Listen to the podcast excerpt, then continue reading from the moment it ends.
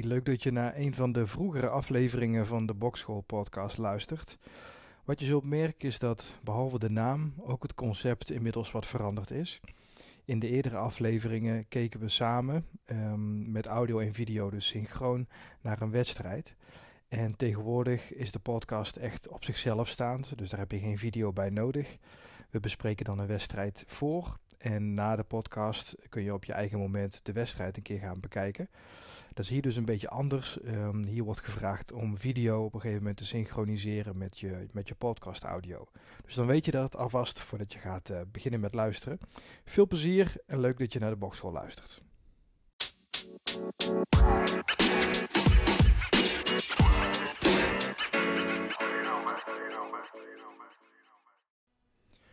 Luidjes. Welkom bij de Zweefsteek podcast. Podcast waarin we uiteindelijk aan het einde van de rit uh, samen naar een bokswedstrijd gaan kijken. Dat betekent dat je deze audio van deze podcast kunt synchroniseren met de video, zoals je kunt lezen in de beschrijving van deze podcast.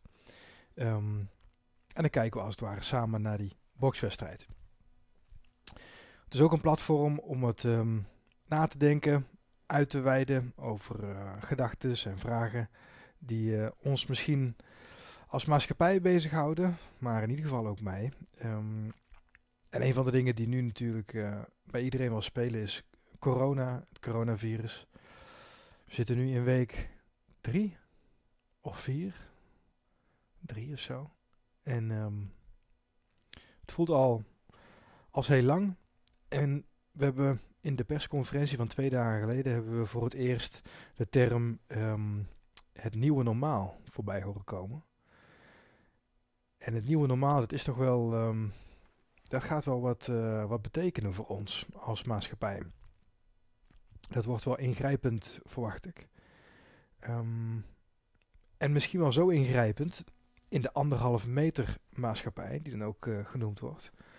Zo ingrijpend dat boksen misschien wel een hele. Misschien, misschien wordt dat wel een, een sport uh, die tot het verleden, het, uh, tot het verleden gaat toebehoren. Misschien dat er in de wedstrijdsport nog uitzonderingen gemaakt kunnen worden met testen. En dat je een soort van, uh, hè, dat de apps die je dan hebt geïnstalleerd op je telefoon je een, uh, een pass geven om dan toch een uh, wedstrijd te doen tegen iemand anders die ook groen licht heeft gekregen van die app. Maar in bokstrainingen, zoals, um, zoals de, de, trainingen bij ons in Tilburg, ja, waar je met een hoop amateurs en beginners gewoon lekker bij elkaar dicht bij elkaar, uh, bij elkaar ook aan het trainen bent. Nou, dat is maar de vraag eigenlijk. Of dat in de nieuwe anderhalf meter maatschappij, in, in het nieuwe normaal, of dat nog gaat kunnen. Want anderhalve meter, het is best wel een afstand. Dat gaat te ver weg zijn om, um, om een goede jab te raken, denk ik. Dus je moet een behoorlijke rijkwijde hebben met je armen. Dat zou kunnen. Maar ook uh, Braziliaans jiu-jitsu bijvoorbeeld. Nou, dat was ook wel uitdagend. En zo natuurlijk nog veel, veel, veel meer activiteiten. Sportactiviteiten vooral, die, bij, die met close contact, waar je dicht bij elkaar bent.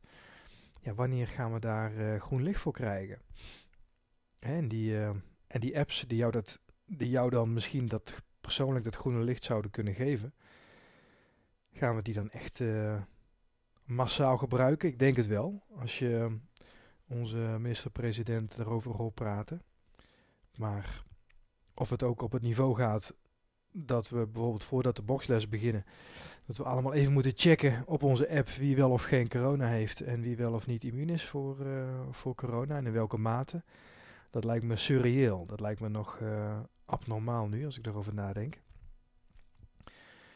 Dus we moeten gaan wennen aan het nieuwe normaal. Um, dat is natuurlijk wat uh, een ieder bezig zou, zal, zal houden. Wat mij dan bezighoudt vandaag is dat ik uh, in plaats van twee goede mokken koffie, drie mokken koffie op heb. En het verschil is zo, zo groot. Ik weet niet of jij wel eens, um, wel eens te veel koffie hebt gedronken. Maar het is echt gewoon. Uh, ja, hoe ik me kan voorstellen dat, dat kookje misschien wel doet laten voelen. Het is een van die drugs die ik nooit heb aangedurfd. En daar ga ik me ook niet de vingers aan branden. Want wat ik ervan begrijp is het Eén keer een snuif en je bent verkocht. En dan ben je ook de sjaak, denk ik. Um, oftewel verslaafd. Misschien, eh, misschien valt dat wel mee. Maar eh, ik, neem, ik neem wat dat betreft maar even het zekere voor het onzekere. Ehm, maar als je veel koffie drinkt, of vooral te veel koffie drinkt, dan ga je, echt, uh, ga je ook echt wel hard op hoor. Ik merk echt een verschil aan het einde van de dag of ik, ehm, of ik me heb gehouden aan de, de twee flinke bakken koffie die ik mezelf nu mag gunnen. Of dan zo'n derde erbij. En daar wen je dan misschien weer aan. Dan komt er een vierde bij. En, ga je een tolerantie opbouwen. En je hebt dan misschien twee, uh, twee volle kannen nodig om dan nog die buzz te krijgen die je initieel van, van een kop of twee zou krijgen. Was een goed voornemen voor dit jaar, minder koffie drinken. En um, ik heb dat terug weten te brengen tot twee koppen koffie. Alleen als ik eerlijk ben, zijn die koppen veel groter geworden. Dus ik ben begonnen met kleine kopjes koffie en die kopjes zijn steeds groter geworden. Tot, het punt waar ik nu zo met twee flinke mokken koffie nuttig. En een stuk eigenlijk niet, niet helemaal fair nieuwjaarsresoluties, goede voornemens sowieso um, natuurlijk een, uh, een um, moeilijk verhaal. We zitten nu in mm, april, begin april. En hoeveel van jouw nieuwjaarsresolutions uh, heb je gehaald? Hoeveel kilo ben je kwijt? Hoeveel meer ben je gaan sporten? De afgelopen weken is het natuurlijk moeilijk met, uh, met corona. Of welke andere goede doelen had je? die je wel of niet hebt behaald. Voor mij was het minder koffie drinken en uh, nou ja, misschien een 5,5 score ik daarvoor. In hoeverre ik daar nu, uh, nu geslaagd ben. Ik merk ook dat, uh, dat mensen om me heen op zoek gaan naar manieren om in dat nieuwe normaal te komen. Um, ik, zit eigenlijk, ik zit eigenlijk maar op één social media outlet en dat is LinkedIn. Ik heb een Instagram nu voor, uh, voor, de, voor de podcast. Omdat je ook daar wel aanwezig moet zijn natuurlijk. Maar um, ik ben actief of ja, ik lees echt dagelijks meerdere keren uh, LinkedIn. Normaal vind ik dat een heel leuk professioneel platform. Maar corona heeft dat ook een beetje platgeslagen en maakt van mij ook een cynicus, merk ik. Dus posts die voorbij komen over hoe een bedrijf nu een oplossing biedt voor corona. Um, dus met, dat heeft altijd wel iets te maken met videobellen of iets met bezorgen of iets met online aanbieden. Dat, um, ik weet niet goed wat ik daarvan moet vinden. Ik weet niet hoe jij dat ervaart, maar um, daar heb ik vanaf begin af aan, vond ik het al moeilijk om daar uh, sympathie voor, um, voor te voelen. Nu heb ik daar sowieso, uh, is dat niet een van mijn voorkeuren om... Uh, empathie en sympathie te tonen. Maar dat, dat, um, dat krijg ik al helemaal niet van bedrijven die dan iets posten. Kijk, als jij bijvoorbeeld, bijvoorbeeld voor al jouw personeel een bos bloemen hebt laten bezorgen. Dus iedereen krijgt een bos bloemen thuis bezorgd van jou, van dat bedrijf, hartstikke fijn. Dan is dat oprecht een leuke geste. Dus opre oprecht is dat een heel leuk idee en ook om die bloemenbusiness uh, te helpen. Maar wat ik dan in ieder geval zou doen, als ik bij zo'n marketingafdeling zou werken van zo'n bedrijf wat die geste doet aan, aan haar uh, personeel, dan zou ik in ieder geval vragen aan een van de personeelsleden om daar dan iets over te posten. Misschien ken je iemand wat beter of, of weet je dat je dat aan iemand zou kunnen vragen die zo'n bos bloemen heeft ontvangen. En dan, dan komt het in ieder geval nog over alsof dat zo'n personeelslid oprecht zelf zegt van... hé, hey, wat een leuke uh, geste van het bedrijf. En uh, moet je kijken, fotootje erbij, naam van het bedrijf... hashtag uh, bedrijf versus corona, met z'n allen samen st staan sterk, et cetera. Maar dat gebeurt niet. Wat er gebeurt is dat het, dat het bedrijf zelf op de bedrijfsaccount... Um, verkondigt dat zij naar iedereen een bos bloemen hebben gestuurd. Ja, dat komt dus niet over, bij mij althans. Um, ik vraag me af hoe, je, hoe jij dat ervaart. Of jij, uh, als je dit luistert, denkt van ja, maar ik vind het hartstikke sympathiek en je moet niet zeiken. Um, want dat kan namelijk. Misschien ben ik wel gewoon te zuur hierin. Maar ik ben wel allergisch nu voor, voor bedrijven die misbruik maken van deze situatie. Om zichzelf te profileren. En iets wat bijvoorbeeld wat ik, wat ik las van headline, dat die uh, CEO van Twitter heeft 28% van zijn, zijn vermogen, dat, dat, dat was een miljard volgens mij in mijn hoofd, um, nu geschonken uh, um, aan de bestrijding tegen het coronavirus. Kijk, als je een kwart van jouw vermogen aftikt, En dat zal allemaal wel goed beredeneerd zijn en goed ingecalculeerd zijn. En misschien wel van de belasting aftrekbaar of weet ik het wat. Maar dat is oprecht, um, oprecht helpen. Is oprecht een, een hand uitsteken. En dat voor de Infinite Game. Zoals Simon Sinek, misschien ken je die um, ja, guru, mag je misschien wel noemen. Um, zegt de, de, de, je hebt die, de Infinite en de Finite Game. En um, als, een, als een spel eindig is, hè, als je op een gegeven moment weet van er, er komt een einde aan, dan speel je met hele andere spelregels. Dan speel je het spel heel anders. Alsof je het spel speelt dat het wat, wat eeuwig doorgaat. En die infinite game, hè, dus, dus um, bedrijf, een bedrijf voeren op, voor, op de, voor de lange termijn. Ja, dat is iets wat zo'n CEO van Twitter nu al lijkt te doen. Dus echt op de lange termijn kijken van wat, uh, hoe komen we verder. En je moet ook wel. Kijk, nu zo'n online dienst als Twitter, die overleeft wel. Die doet het misschien juist nu heel goed, omdat iedereen thuis zit en, en nog meer online is dan wat die anders zou zijn geweest. Maar een hoop bedrijven die, uh, die hebben dus oprecht geen keuze eigenlijk. Ik ben ook benieuwd hoe onze sportschool hier doorheen gaat komen. Uh, hoe onze boxgroep eruit gaat zien over uh, een paar maanden als, als wij weer de boxlessen gaan hervatten. Um, zitten daar überhaupt nog dezelfde mensen bij? Ik kan me voorstellen dat een aantal van jullie um, kritisch kijkt naar het sportabonnement wat jullie momenteel bij je, bij je sportschool hebben. Of dat nu bij Unbroken is of dat bij een andere sportschool is. Nu, um, nu zijn ook sportscholen creatief in het uh, bieden van, van alternatieve content. Dus wat online, uh, um, online diensten en online films en workouts die je kunt volgen. Maar er zal een, een deel van van de sporters zijn die, uh, die ervoor gaat kiezen om, uh, en misschien ook al noodgedwongen moet kiezen, om een uh, lidmaatschap op te zeggen.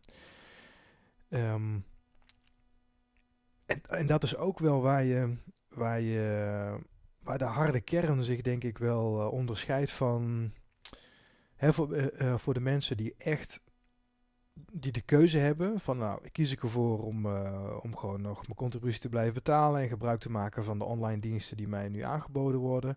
Help ik dus samen, samen zo de sportschool mee deze, deze winter door. Um, en kan ik het geld missen? Dat is natuurlijk wel een hele belangrijke, belangrijke vraag om te stellen. Ja, ik denk dat voor de, voor de harde kern van zo'n sportschool, dat, uh, als die maar groot genoeg is en hard genoeg is, ja, dan hou je met z'n allen hou je, hou je een, um, zo'n bedrijf wel overeind. En of het nou een sportschool is of een bedrijf waar je voor werkt, we weten dat dit, dat dit eindig is, of in ieder geval deze eerste periode van corona eindig is. Um, dus ja, behoor jij tot de harde kern van jouw bedrijf bijvoorbeeld? Hè? Zou jij het... Uh, zou jij bijvoorbeeld een maand salaris kunnen skippen, of willen skippen, bereid zijn te skippen, om het bedrijf er doorheen te trekken. Of misschien iets minder drastisch, zou je bereid zijn om je vakantiedagen op te nemen nu. Het bedrijf waar ik werk, wordt dat helemaal nu niet, ge, wordt dat niet geopperd of wordt dat helemaal niet gevraagd of zo. Maar ik sluit niet uit dat dat op een bepaald punt, nou verwacht ik dat niet zozeer bij bedrijf waar maar wel bij, bij heel veel andere bedrijven, dat op een bepaald punt, als het wat lang genoeg duurt voordat we weer uh, um, uh, verder gaan, hè, voordat we in de nieuwe werkelijkheid komen, het nieuwe normaal, dat, uh, ja, dat het wel gevraagd zou kunnen worden. En um, wat blijft er dan staan? Hè? Wie, wie, uh, wie doet dat dan? Vooral als het een vrijwillige keuze is, in plaats van dat je voor, dat je voor blok wordt gezet en eigenlijk geen keuze hebt. Ik ben heel benieuwd. Ja, corona. Het houdt de gemoederen bezig. En nog steeds, nog steeds, ik wil laatst in de laatste podcast ook aan gerefereerd, uh, wordt er de term um, bijzondere tijden, roerige tijden, woelige tijden. Mensen doen allemaal, mensen doen flink hun uh, moeite om, zo, om, om een uh, variëteit aan, uh, aan tijden te bedenken. Een paar voelige naamwoorden die je voor, die je voor het is een hm, hm, tijd kunt stellen.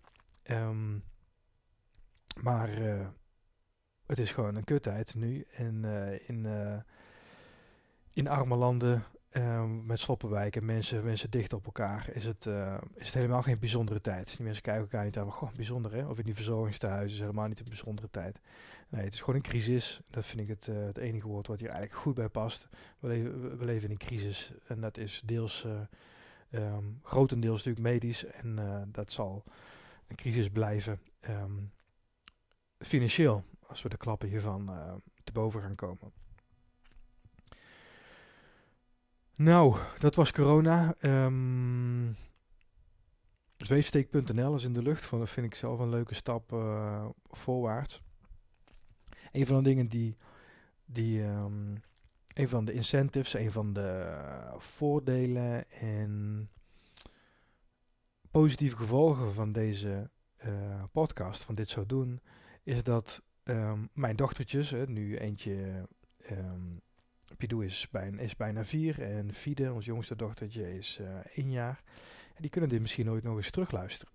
En vooral, en dat vind ik dus heel belangrijk, vooral als papa eerlijk en, um, en open is. En uh, ik ben echt ik, als ik dit zo aan het inpraten ben. Dan, dan moet dat ook echt wel overeenkomen met wie ik echt ben. Want misschien loop ik morgen onder een bus. Lijkt me sterk nu natuurlijk, met die drie bussen die nog rijden en ik die niet buiten kom. Maar um, het is een behoorlijk uh, dossier wat je zo opbouwt. Hè, van um, van uh, hoe je iemand naar de wereld kijkt. Ik vind het oprecht interessant.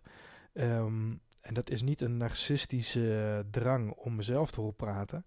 Maar ik ben gewoon geïnteresse geïnteresseerd. Punt. Allereerst. Daarnaast zou ik van, van elk van jullie die dit aan het luisteren zijn, zou ik het boeiend vinden om je gedachtegang te volgen. Ik zou bij, met het meen oprecht bij iedereen die dit, uh, die dit nu luistert, als ik tussen je oren kan kruipen en ik zou kunnen luisteren van hoe, hoe, hoe gaan die gedachten die jij nu hebt, weet je wel? En, en, en het liefst ongefilterd. Dus ongefilterd uh, door, uh, door wat de maatschappij um, jou, heb, jou heeft opgelegd, wat je moet zeggen of wat je moet vinden, maar gewoon je oprechte gedachten. Dat is natuurlijk heel kwetsbaar, maar um, dat vind ik ontzettend, ja, dat is, ontzettend interessant. En, en, en, en hopelijk en waarschijnlijk deel je diezelfde interesse met me, anders dan zou je niet geïnteresseerd zijn in podcast in het algemeen. Wat toch um, hardop denken is eigenlijk. Hè? Um, dus dat is een fijne ontwikkeling. Zweefsteek.nl, de website, uh, nu online. is weer een stapje verder eigenlijk. Um, om deze podcast van een platform waar um, een beperkte groep, een selecte groep mensen naar luisteren. Om die in ieder geval klaar te zetten voor een, uh, voor een grote groep mensen. Misschien is het ook misschien is het wel leuk om, om mijn. Um, nou, of het een einddoel is, weet ik niet. Maar wel, wel een doel met deze podcast, wat het in ieder geval kan zijn. Is om iets, is om iets samen te doen met Geen Stel of zo. Ik vind Geen Stel echt een, um, een top platform hier in Nederland. Um, steekt met kop en schouders, uh, wat mij betreft, boven andere platformen uit. Um, media outlets. Um, zijn kritisch, intellectueel. besteden aandacht aan onderwerpen die mij en veel millennials met mij, denk ik, ook interesseren. En ze besteden op een hele goede, goede en zeg je dat? Ja, terechte manier wil ik eigenlijk zeggen. Maar ze doen, ze doen het, ze doen het, uh, het onderwerp recht, uh, recht aan. Nee, dat klopt voor een meter. Um, op een hele goede manier beschrijven ze, beschrijven ze boksen. Dus bijvoorbeeld de, de, wedstrijd tegen Tyson Fury, tegen Deontay Wilder laatst. Wordt op, op, een, op een ontzettend goede manier wordt daarover geschreven. Volgens, volgens mij is dat Ed Mostert of zo. Um, die, vaak over boksen schrijft. En ook de UFC komt vaak voorbij met, uh, met verschillende wedstrijden. Wordt leuk over geschreven en redelijk actueel ook. Um, een van de websites waar ik dagelijks een aantal keren op kijk, in, tijdens coronatijd minder, omdat er gewoon minder nieuws te melden is, is mmafighting.com. Dus mmafighting.com. Daar zijn alle nieuwtjes uh, eigenlijk op binnen het, uh, binnen vechtsport in het algemeen, zou je kunnen zeggen, maar vooral in de UFC. Voor de boxnieuwtjes gebruik ik uh, boxingnews24.com. Boxingnews24.com.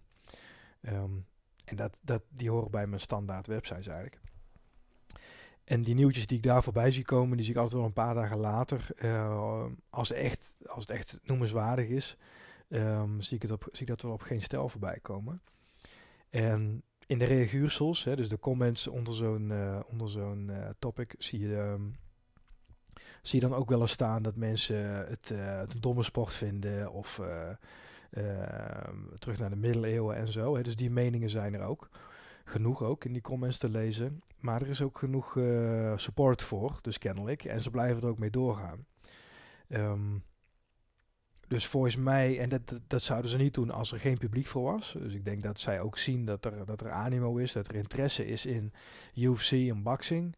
Um, en dat op een uh, Amerikaanse manier en vanuit een Amerikaans perspectief ook beschreven. In plaats van uh, uh, weer eens de klassieke Anne van der Leijden afstoffen die uitnodigen voor een interview of wat dan ook. Nee, dit um, niet vanuit Nederlands, maar echt Amerikaans perspectief dat sluit echt naadloos aan bij hoe ik boksen beleef en ervaar. En behalve wat topics, één keer in de zoveel tijd, wel met regelmaat op geen uh, kan ik me zomaar voorstellen dat een podcast, een podcast zoals deze, uh, om bijvoorbeeld een bokswedstrijd die gaat komen of net geweest is, om daar um, om die te bespreken en dat, en dat misschien onder de banner of onder de paraplu of in een samenwerkingsverband met geen stijl te doen. Want volgens mij is er zeker een publiek dat geïnteresseerd is in, in het boksen um, en UFC. Uh, twee sporten die, um, die eigenlijk uh, zwaar onderbelicht worden in mainstream media in ieder geval. Um, ja, ik kan me niet herinneren dat er nou echt op een van de, de klassieke, klassieke publieke omroepzenders of klassieke commerciële zenders een goed en degelijk Amerikaans um, op de, op de zender is geweest. Ik moet ook eerlijk zeggen, wij hebben thuis geen televisieaansluiting, alleen uh, internet, dus wel Netflix en dat soort dingen. En een Xbox om, uh, om wat te gamen en zo. Dus wel een groot scherm aan de muur, maar uh, dus geen tv-aansluiting. Dus ik, ik heb ook de tv van de afgelopen jaren wel, uh, wel gemist eigenlijk. En dat bedoel ik als in gewoon niet meegekregen. En verder dus helemaal niet gemist, omdat je alles gewoon online kan zien wat je, wat je wil zien, denk ik. Dus hoe het, hoe het tv-landschap er nu uitziet, eigenlijk geen idee van. Dus misschien denk jij wel van, oh ja, maar, maar deze programma's of dit, of dit of dit, weet je, misschien is er juist um, al voldoende aanbod. Maar het kan denk ik niet genoeg zijn. Um, ook gezien het aantal kijkers uh, van de UFC en um, het aantal hits wat het nog steeds eens krijgt, hè, die topics uh, op bijvoorbeeld geen stijl. Dus we zitten nu in podcast 7, als ik me niet vergis. En ik kan me prima vergissen. En het is met podcasten denk ik net zoals met heel veel andere dingen in het leven, is dat je meters moet maken. Ze zeggen je moet 10.000 uur iets doen voordat je, het, uh, voordat je een, uh, een expert level hebt, voordat je het echt goed onder de knie hebt. En de echte drempel is natuurlijk de echte, de echte uitdaging is om daaraan te beginnen. En, um, en het is dit, daar luister je naar. Dus dit is podcast 7 van uh, 358 straks hopelijk. En als ik een goed body of work heb uh, gemaakt, als, ik, als, we, als, we, als al deze podcasts bij elkaar een mooi geheel vormen, dan... Um, dan wie weet waar dat toe leidt. En het lijkt me, lijkt me zeker tof om met uh, gelijkgestemde, want uh, voor mijn gevoel zijn geen stel lezers dat wel, met mij um, samen naar bijvoorbeeld bokswedstrijden te kijken dan die, die net geweest zijn of misschien nog moeten komen, dat je een soort van vooranalyse doet. Um, dus dat is dan een beetje stiekem het ideetje wat ik dan, of een beetje stiekem de ambitie die ik misschien hieraan koppel ook.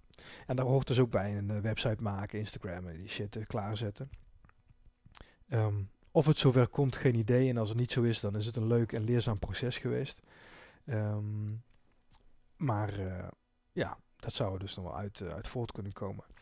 Ik vind, het, ik vind het sowieso knap, altijd in de boxles, als iemand, als iemand begint met boksen sowieso. Want het is om te beginnen met iets waar je dus niet goed in bent. En waar je onderaan uh, de picking order staat. Hè. Je staat onderaan de, aan de apenrots even dan in die gym of op, op dat moment. Um, en daar heb je, heb je een aantal, een aantal competenties voor nodig. Dat, dat moet je maar kunnen. Wat heb je er nou voor nodig? Moet je, je moet, moet je heel zeker zijn van jezelf bijvoorbeeld. Hè? Dus als, ik, als, als jij als, stel je bent een niet-boxer en je gaat voor de eerste keer wil je een boxgym binnenlopen. En je krijgt ook een, en, je, loopt binnen, je krijgt ze getrokken misschien de eerste keer. Dus je, je moet er een paar incasseren. Wat zorgt er dan voor dat je, dat je terug gaat komen. Je, hebt, je hebt gemerkt van oké, mijn level is beginner-beginner. Um, het gaat nog een hele tijd duren, misschien wel een jaar of twee jaar, voordat ik zeg maar op het gemiddelde niveau van, van deze club kom. Wat, um, wat ga ik doen? Ga ik thuis blijven uh, morgen of ga ik morgen weer terug naar de gym of volgende week of wanneer de volgende les is? Wat heb je daarvan nodig? Misschien een stukje naïviteit ook wel. Maar wat het ook is, ik vind het heel knap. Ik heb er, ik heb er oprecht respect voor. Um, um, vooral bij het boksen. Hè, jongens, meiden die binnenkomen en, uh, en terug blijven komen. Um, ook als ze een keertje neergaan met het sparren, harde sparringspartij of zo. Weet je. Ik vind het zo knap als mensen, mensen terugkomen. Ik heb veel dingetjes geprobeerd als, uh, als beginner. Een van de dingen die ik super vet vind is bijvoorbeeld... Wat, nou, wat ik gewoon vet vind is, Stevie Wonder op zijn uh, chromatische mondharmonica horen spelen.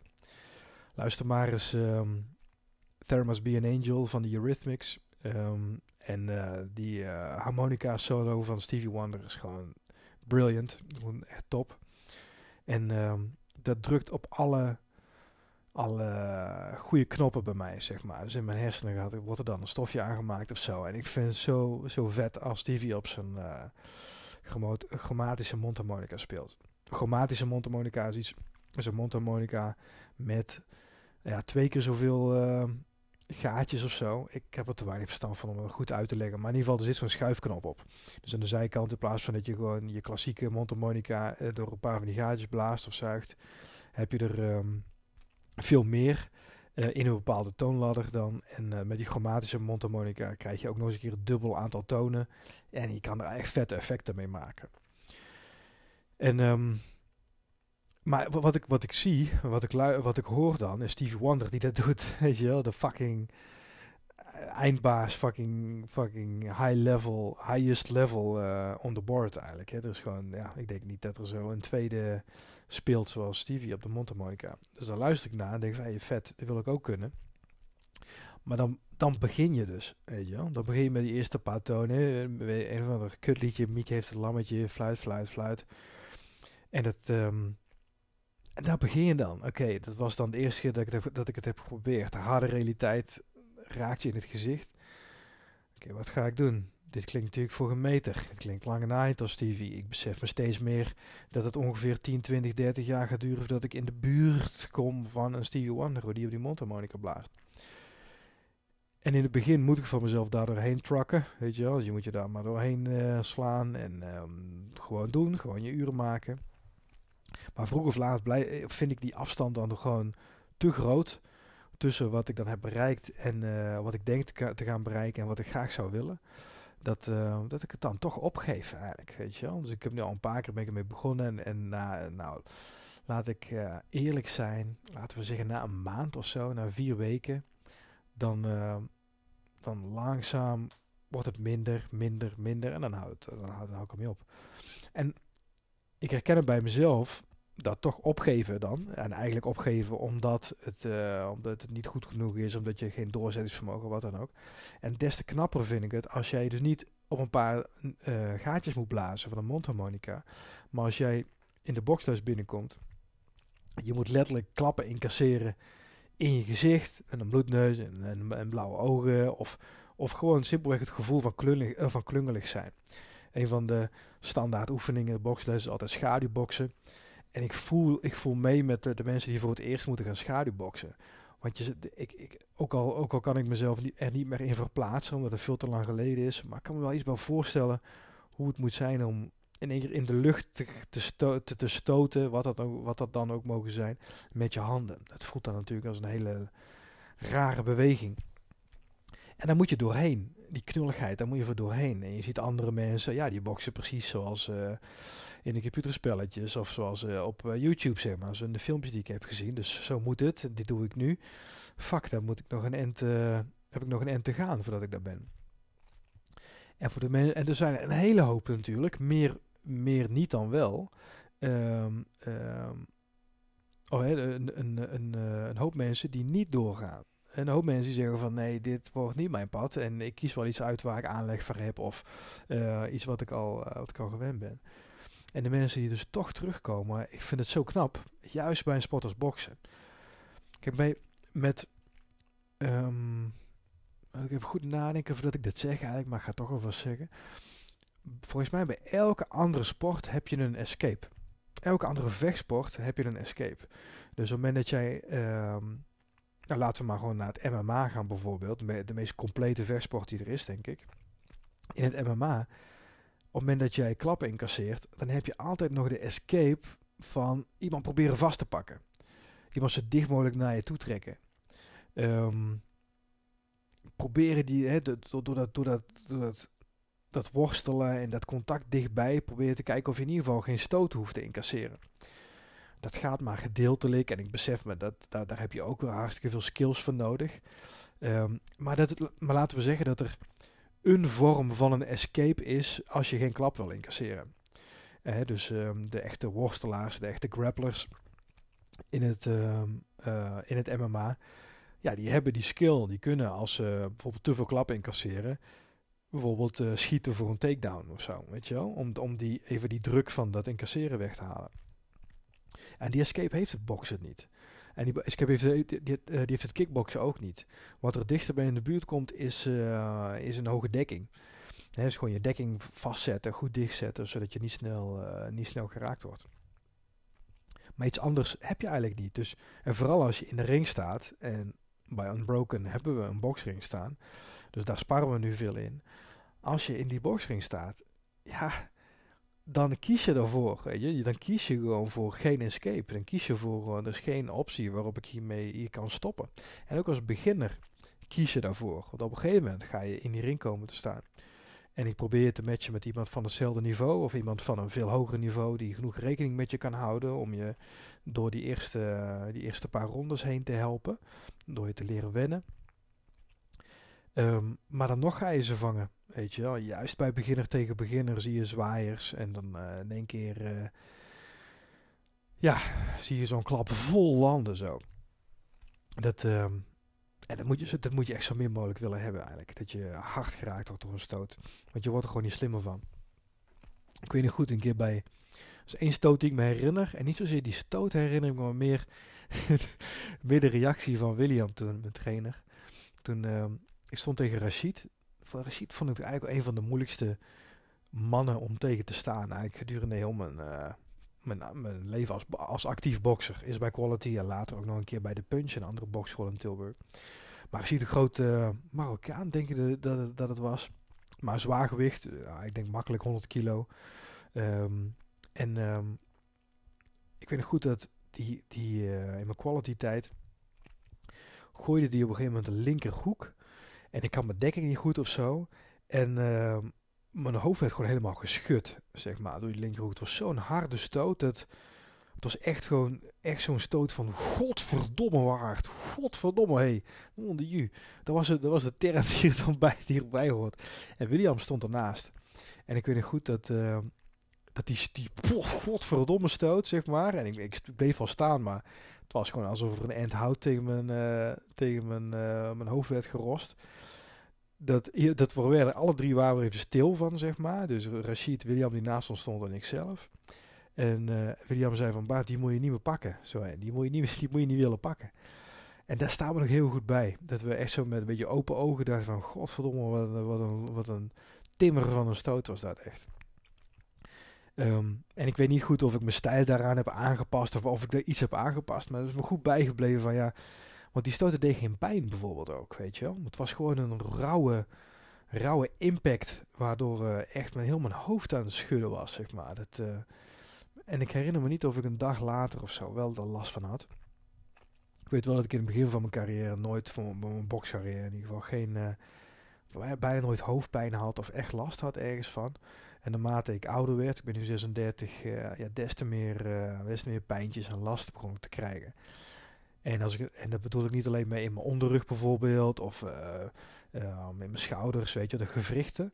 Maar een, een denk ik, gevaarlijkere uh, dreiging, en dat, of ja, dreiging, een gevaarlijkere um, blessure. En dat is in mijn hoofd, weet je. Ik voelde, ik had als ik nu hard spar, dan heb ik meer hoofdpijn naar de hand bijvoorbeeld. Terwijl ik weinig hoeft te incasseren. Maar ehm, vroeger kon ik makkelijker in de dekking staan en die anderen een beetje laten stoten. Maar ik merk nu dat daar kom ik niet meer mee weg. Dat, dat heeft een impact op mijn, op mijn hersenpan. Ik heb geen idee of mezelf dat wijsmaak of dat het ook echt misschien wel fysiologisch um, aangetoond is. Dat de resilience, je, je, je weerbaarheid tegen stoten misschien minder wordt naarmate je ouder wordt. Dat klinkt niet, um, klinkt niet heel, uh, heel gek als dat zo zou zijn. Sowieso is het, hele, is het hele onderwerp van hersenschade en boksen um, speelt hier niet zo in Nederland. Boksen is sowieso niet een heel... Uh, en, en ook kickboksen, dat leeft alleen als Badr Hari een keertje iets doet of zo. Maar voor de rest um, houdt dat ons, um, onze gemeenschap, onze Nederlandse, ons Nederlandse volk niet echt bezig. Maar, maar bijvoorbeeld in Amerika is het... Um, is hersenbeschadiging, is dat, dat is echt een big issue. Hè? Dat, uh, vooral met American football daar, waar voetbalplayers hard tegen elkaar aanrennen en, uh, um, en daardoor dus hersenschuddingen oplopen. En um, hoe noemen ze het ook alweer? CTI of zo? Nee. Uh, concussion brain trauma, CBT. Nou, ik ben het even kwijt, een afkorting, maar in ieder geval dat gaat om dat je, dat je daadwerkelijk uh, persoonlijkheids um, uh, wijzigingen kunt krijgen door telkens die impact op je hoofd. Dus dat je bijvoorbeeld agressiever wordt of een korter lontje krijgt of um, uh, meer gevoelig voor, voor verslaving. Um, en er zijn dus ook een, al een flink aantal misdaden, moorden bijvoorbeeld, gelinkt aan CT, aan, aan, aan zeg maar hersenschuddingen en hersentrauma wat opgedaan is. Hè. Dus bijvoorbeeld een professionele voetbalplayer, voetbalplayer, dus American football. Um, ja, die, uh, die bijvoorbeeld een moord op zijn vrouw pleegt of zo. Iets wat helemaal niet in zijn karakter zat. En, en, en waarvan mensen denken van hoe kan hij dat nou doen? Um, dat, dat, lijkt dan toch, dat lijkt dan toch een link te hebben met die sporten, met de impact die die krijgt. En zo zijn er een aantal voorbeelden binnen American football sowieso. En ook binnen boksen zijn er. Er zijn ontzettend veel boxers die uh, vroegtijdig aan een einde zijn gekomen. Door bijvoorbeeld motor, uh, motorongelukken of nee, in de autocrash of overdoses en drugs of zo. Dus het is wel, dat is wellicht, dat is weliswaar niet een, een dood die direct gelinkt is met, um, met de impact van de stoot. Maar indirect heeft het, ja, zorgde de, heeft, het dus, heeft het er dus wel voor gezorgd dat ze, dat ze eraan onderdoor zijn gegaan. Of misschien, nog erger, of minstens zo erg, dat iemand anders er onder, aan onderdoor is gegaan. Dat iemand dus een, uh, zijn kind of zo heeft vermoord. Maar dat, dat is ook heftig, jongen. Het, dat is een, um, een uh, voorbeeld. Een voorbeeld wat me ooit is, uh, is genoemd over een. Um, over waar trek je de grens? Bijvoorbeeld zo'n voetbalplayer die dus waarvan de link wordt gelegd tussen zijn hersentrauma en een misdaad die hij heeft gepleegd. Dus dat is dan een, daar is een kausaal verband aangetoond. Dus van nou, je hebt schade opgelopen. Daardoor is jouw remming voor, uh, zeg het is voor, uh, misschien jouw, gewoon jouw remming in het algemeen is, is verminderd. En daardoor heb jij bijvoorbeeld uh, iemand aangereden. Um, als dat is aangetoond, ja, is, dat dan nog, is die persoon dan nog strafbaar daarvoor? Want je kan zien op hersenscans bijvoorbeeld, van ja, maar dat ligt niet aan zijn, zijn wil of zijn, zijn uh, mening of zijn uh, bewustzijn dat hij dat heeft gedaan. Hij heeft er niet voor gekozen, maar het is eigenlijk een onbewuste uh, keuze die voor hem gemaakt is.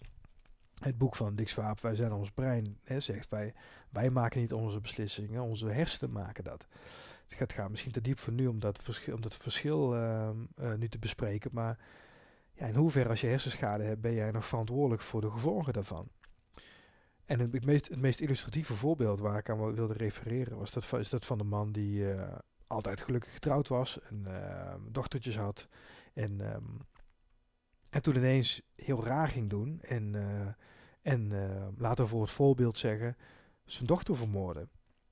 Hè? Maar dat was, het was die man van hè, 65 bijvoorbeeld of zo. Een keurige huisvader. Fijne, fijne pa voor zijn, voor zijn dochters. En die vermoorde, vermoorde een van zijn dochters. Dat was, dat was ondenkbaar. Hoe, hoe, had die man dat kunnen doen? Zo'n vriendelijke, fijne man. Niemand snapte het. In het gezin niet. Ehm, en toen bleek na onderzoek dat die man een tumor in zijn hoofd had. En dat een deel van zijn brein onder druk stond. En uh, dat hij dus niet, ja, dat, dat, dat, dat deel van zijn brein en, deze, en die mochten dat aan elkaar gelinkt kon worden. Van ja, dit is niet een bewuste keuze geweest van die man zoals wij die hebben leren kennen. Maar dit is, een, dit is een direct effect van die uh, tumor. Na, die, uh, na dat geval was de man wat opgesloten. En de tumor werd verwijderd in zijn hoofd. En die man die werd weer de oude. Die was weer gewoon die, diezelfde man zoals hij heel, heel zijn leven was geweest. Maar die zat dus nog wel in de gevangenis. In hoeverre is zo'n man dan verantwoordelijk? Moet zo'n man verantwoordelijk worden gehouden voor zijn daden? Ik weet het niet. Ik weet het niet. Ik vind het heel moeilijk. En dat, um, daarvan wordt gezegd dat we nu in een, in een tijdperk van barbaren nog steeds leven. Dus dat wij over, uh, misschien door een uh, generatie, nou misschien niet eens zo ver vooruit, laten we zeggen generaties 100 jaar van nu. Of misschien wel, misschien wel eerder, tussen de 50 en de 100 jaar van nu, dat generaties dan terugkijken op, uh, op dit uh, tijdperk waarin we nu leven. En zeggen van ja, wat zijn dat voor barbaren, die mensen met hersenbeschadigingen, met duidelijk aantoonbare redenen waarom zij bijvoorbeeld een misdaad begaan, dat ze die gewoon vastzetten als een dier in een hok. En um, in plaats van, nou, hopelijk hebben zij dan misschien wel een mooi, uh, een mooi antwoord erop bedacht. Hè, een mooie oplossing voor het probleem. Alright. Goed. Ik heb er zin in een, uh, in een goede pot. Laten we eens op de link in de video gaan klikken. Dan gaan we samen naar de wedstrijd kijken. Ik vind het leuk om jou als luisteraar ook kennis te, um, te laten maken met een aantal boxers en bokswedstrijden die uh, minder bekend zijn misschien, althans hier in Nederland. Um, maar die wel echt goed vet zijn en uh, echt tof om te kijken. En naast dat het een soort van entertainmentwaarde heeft om naar een goede bokswedstrijd te kijken, kun je er denk ik ook wat van leren. Dus in plaats van alleen Muhammad Ali en Mike Tyson te kennen en hoe die boksen, is toch goed, denk ik, om uh, alles wat daartussen zit en wat daar nog boven en onder zit, en naast, links, rechts, et cetera, um, om, om daar ook uh, kennis mee te maken. Um, want er zijn ontzettend veel mooie stijlen binnen boksen en heel veel kleine nuances en verschillen tussen boxers waar je denk ik van kan leren. En waarvan ik je ook uitnodig om die uit te proberen, weet je wel? Om, um, om gewoon eens naar zo'n, naar zo'n wedstrijd te kijken, naar een bokser te kijken, naar hoe staat hij nou precies, hoe houdt hij zijn handen en, uh, en uh, dat gewoon eens uit te proberen in de eerstvolgende les, hoe dat bij jou past. Wedstrijd waar we vandaag naar gaan kijken is Ray Mercer tegen Tommy Morrison. Ray Mercer tegen Tommy Morrison. Um, ja, ik zou zeggen, laten we, laten we gaan kijken. Ik zet de video aan in 3, 2, 1. Ik druk op play. En ik zit nu op 4, 5, 6, 7, 8, 9, 10 seconden in de wedstrijd of in de video. 14, 15, 16, 17, 18, 19, 20 seconden in de video. 22, 23, 24, 25 seconden in de video. Right. Dat is Ray Mercer. Aan het warm lopen. En daar hebben we Tommy Morrison. Ronde 1. Mercer dus um, in de witte broek. En Morrison in de zwarte. Als ik mezelf dat zo hoor zeggen, dan moet ik terugdenken aan die, die Eurosport, uh, Eurosport wedstrijden van vroeger. Dan werd het ook altijd uh, gezegd. En in de zwarte broek, op een of andere manier klinkt dit wat schraal. En in de witte broek aan, dat is, nou ja.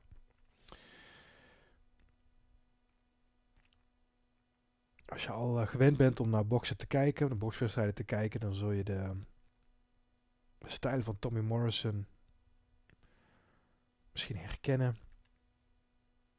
Misschien linken aan die van uh, Mike Tyson. Hè? Alle twee de peekaboo-style. De peekaboo-style is uh, waar je peekaboo, als het ware, uh, uit een doosje springt. Een duveltje uit een doosje. Waarin je zelf achter je hoge dekking zet. En dan peekaboo, in één keer ben je er. Dus Tommy Morrison werkt hier zijn weg naar binnen.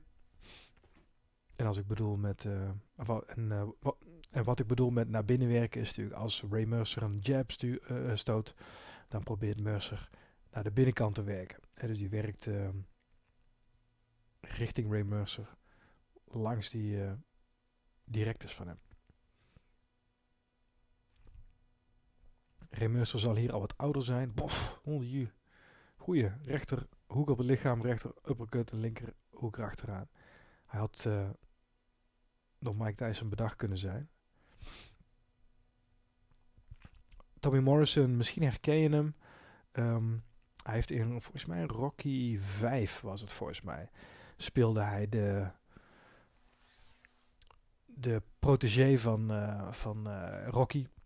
Rocky Balboa, die toen uh, in die film als trainer vooral naar voren kwam. En dat was dus de trainer van deze Tommy Gunn, heette die volgens mij in, de, in Rocky 5. Dus naast een, uh, een top-level boxer. Ik ben zo uit mijn hoofd kwijt of hij ooit wereldkampioen is geweest. Maar in ieder geval wel op het niveau van, uh, van wereldkampioen en anders contender. Net daaronder. Um, speelt hij dus ook in die, uh, in die film. En, dat laatste heeft hem denk ik veel, veel bekendheid gebracht. Prachtig hè, die combinatie zo. Lichaam, die ellebogen naar de zijkant proberen te krijgen. Die hoek op het lichaam. Mercer probeert af te weren, die hoek op het lichaam, door zijn elleboog naar zijn lichaam te brengen tegen de zijkant. Terwijl hij dat doet, schiet Morrison met de linker of rechts opstoot recht het midden. Kin van Mercer vliegt omhoog en terwijl die kin in de lucht hangt, vangt um, Morrison hem als een vlieg uit de, uit de lucht, boom met zo'n linkerhoek.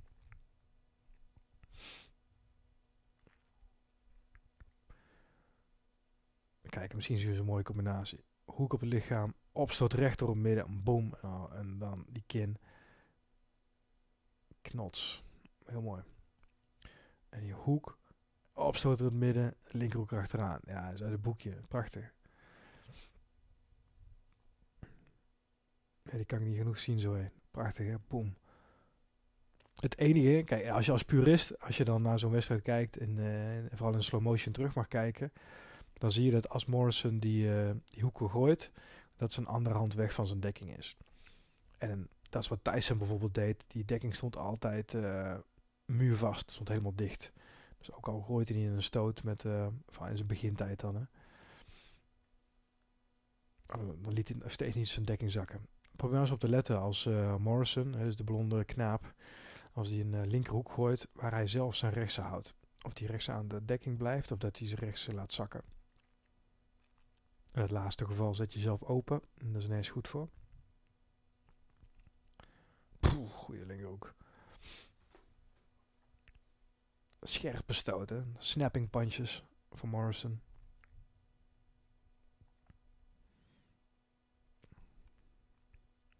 Mercer wacht nog af nu.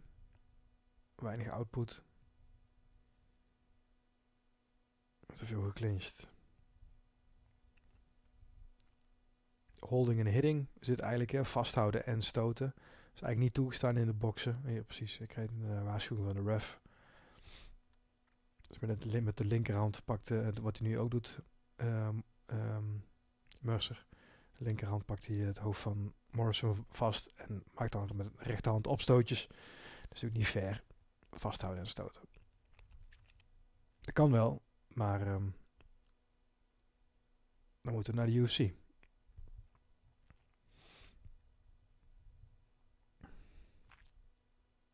Lekker soepel op zijn benen. Morrison bedoel ik dan.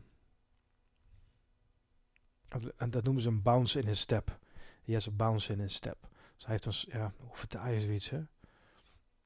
Een lekker ritme te pakken of zo, weet je wel. Er zit, er zit een, uh, beetje een dansje in zijn, uh, in zijn bewegen.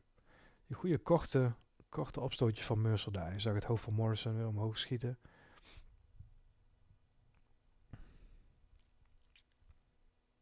Zie je die rechtse, rechtse van Morrison uh, naar beneden zakken? ik vraag me toch altijd af, van, ook op dit niveau, waarom, waarom doen ze dat? Weet je wel? Waarom, uh, hoezo kun je zo'n foutje um, op dit niveau nog, um, nog zo in je arsenaal hebben? Zo? Weet je wel? Zo'n zo'n zwaargewicht kampioen, of in ieder geval een contender, die, uh, die moet toch niet meer zo'n zo, oh, foutje maken. Prachtig hè? Rechterhoek op het lichaam, rechter opstoot, rechter op midden. Mooie schietende rechtse directe. Maar toch zie je best, best veel gebeuren. In het hedendaagse boksen niet zoveel meer. Oh, goede linkerhoek. Deontay Wilder. Dat is denk ik het laatste voorbeeld van iemand die uh, slordig bokste. En daar uh, tot nu toe nog goed mee wegkwam. Behalve toen in de wedstrijd met van uh, Fury natuurlijk onlangs. Waarin Fury met de betere boxskills uh, won van Wilder. Maar misschien is dat het ook wel. Net zoals bij een Wilder, hetzelfde met zo'n uh, Tommy Morrison. Als je weet dat je die knockout in je knuist hebt, en dat hebben al twee heren, um, dan ben je minder, gewoon minder bezig met verdedigen. Dan ben je minder bezig met de optie dat jij zelf ook wel eens hard geraakt zou kunnen worden. Dat je zo, zoveel vertrouwen hebt en, uh, en hebt leren hebben ook, zeg maar, in, jou, uh, in je kracht. George Foreman was ook zo'n type. Goed hoor. George Foreman was ook zo'n uh, zo'n bokser die gewoon die kon rondeslang gewoon niet verdedigen. Liet die ander maar gewoon een beetje uh, mappen op zijn gezicht. Deze kin een beetje naar beneden probeerde stoot op te vangen met... Ja, dit is goed. Poef, poef. Scherp, scherp, scherp. Je ziet die, die kop van uh, Mercer zie je telkens naar boven schieten gewoon echt. En dat is niet omdat hij uh, zijn nek ontspant of zo. Reken maar dat hij wel tegengas weer te geven tegen die stoten. Met zijn nekspieren, maar dan nog slaat hij nek naar achteren, die het hoofd naar achteren. Nou, dan weet je wat de impact van zo'n stoot is. Maar ook Foreman liet dus maar gewoon uh, liet dus maar een beetje stoten. En want hij weet van vroeg of laat, dan pak ik mijn man toch wel met die, uh, die restje direct. Of een mooie hoek of een opstoot. Dus laat die ander maar een beetje slaan. Ik hoef er maar twee of drie te hebben. En hij gaat zitten. Dus minachting eigenlijk voor de anders uh, aanval. Maar dat is niet hoe Morrison nu bokst hoor. Die, die bokst keurig vanuit die peekaboo-style. Alleen blijf ik bijzonder vinden om nog een klein, ook, ook kleine foutjes daar te zien. Kijk, zijn dekking toch laag. Schijnwing, jab, instap, linkerhoek van Mercer. Ja, hoe lang blijft dit spelletje zo nog, uh, of dit um, gameplan nog werken? Het kan zijn, soms, soms werkt het zo dat, uh, dat je een bokser, een tegenstander, ergens mee hebt. He, dus bijvoorbeeld deze rechtse hoek, rechtse opstoot of linkerhoek, uh, linker opstoot. Dat die combinatie gewoon de hele wedstrijd lang blijft landen nu voor Tommy Morrison. Gebeurt al vaker, dan, dan, heeft, dan heeft jouw tegenstander gewoon geen antwoord op die, uh, op die, op die aanval. Maar het is natuurlijk ook mogelijk dat als je dat nou, als je dat nu, welke ronde zitten we, drie rondes lang uh, ervaren hebt. Goede restje directe. Van Mercer ligt op, of van, ja, Mercer lekker ligt op zijn voeten. Dat je het op een gegeven moment wel ziet aankomen. Dat je zijn money shot, zijn belangrijkste stoten wel, uh, wel hebt gezien. En ook misschien juist er wat zelfvertrouwen uithaalt van, oeh, goede rest eroverheen misschien juist wat zelfvertrouwen over uh, uithaalt. Van ja, kan ze hebben. Kan een beste stoten hebben.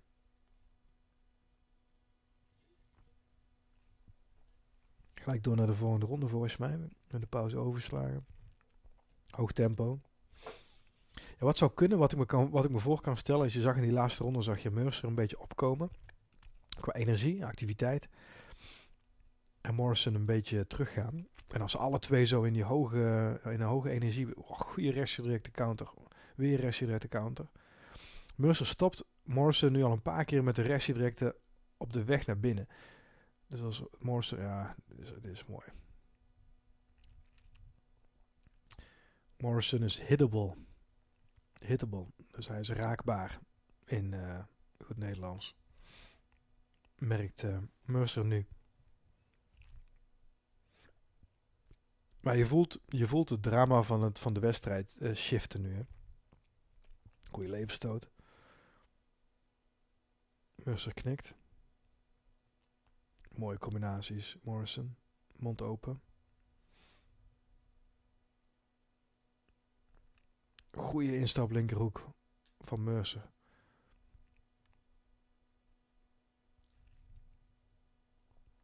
Oh, een instap linkerhoek, zag je hem? We binnen uh, de podcast met Klitschko tegen Joshua zagen we ook een mooie instap linkerhoek van uh, Klitschko. Dit is natuurlijk een hele andere goede linkse directe. Schijnbeweging rechts en instappen met een linkse directe van Mercer. Een bijzondere techniek.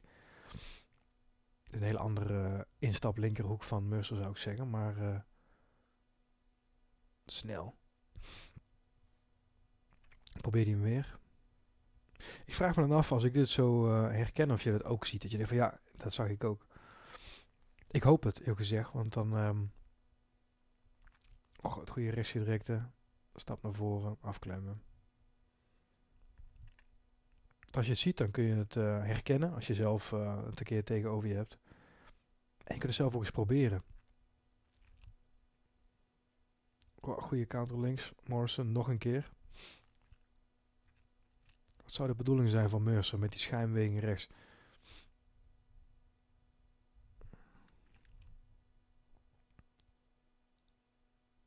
Lekker licht op de voeten, alle twee. De vraag is of ze echt licht op de voeten zich voelen. Alsof ze zich licht voelen of dat ze zich alleen licht voordoen. Om, uh, maar dat zien we ook wel, voor, zien we ook wel gebeuren nu. Dat ze vooral niet willen laten zien dat ze moe zijn, mochten ze moe zijn. Weet je wel, een heel, uh, heel hun uh, doen en laten zien ze nu poef, rechtse, poef, rechtse. Och. Poef, poef, poef, poef, poef. Bam.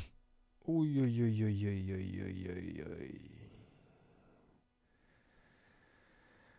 Ai, ai, ai, ai, ai, ai. Ja. Klaar. En zo snel kan het gedaan zijn, mensen.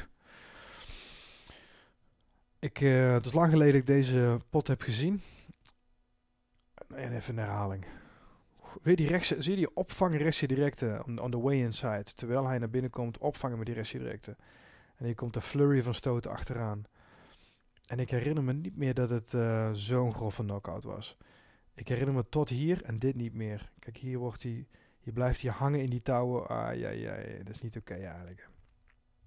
Niet oké, niet oké. Als ik dit zo zie, dan, uh, nou, laten we een keer de herhaling kijken. Poef, poef. Ja, dit is gewoon goed. Wow. Linker opstoot, hoek er doorheen. Recht door op midden.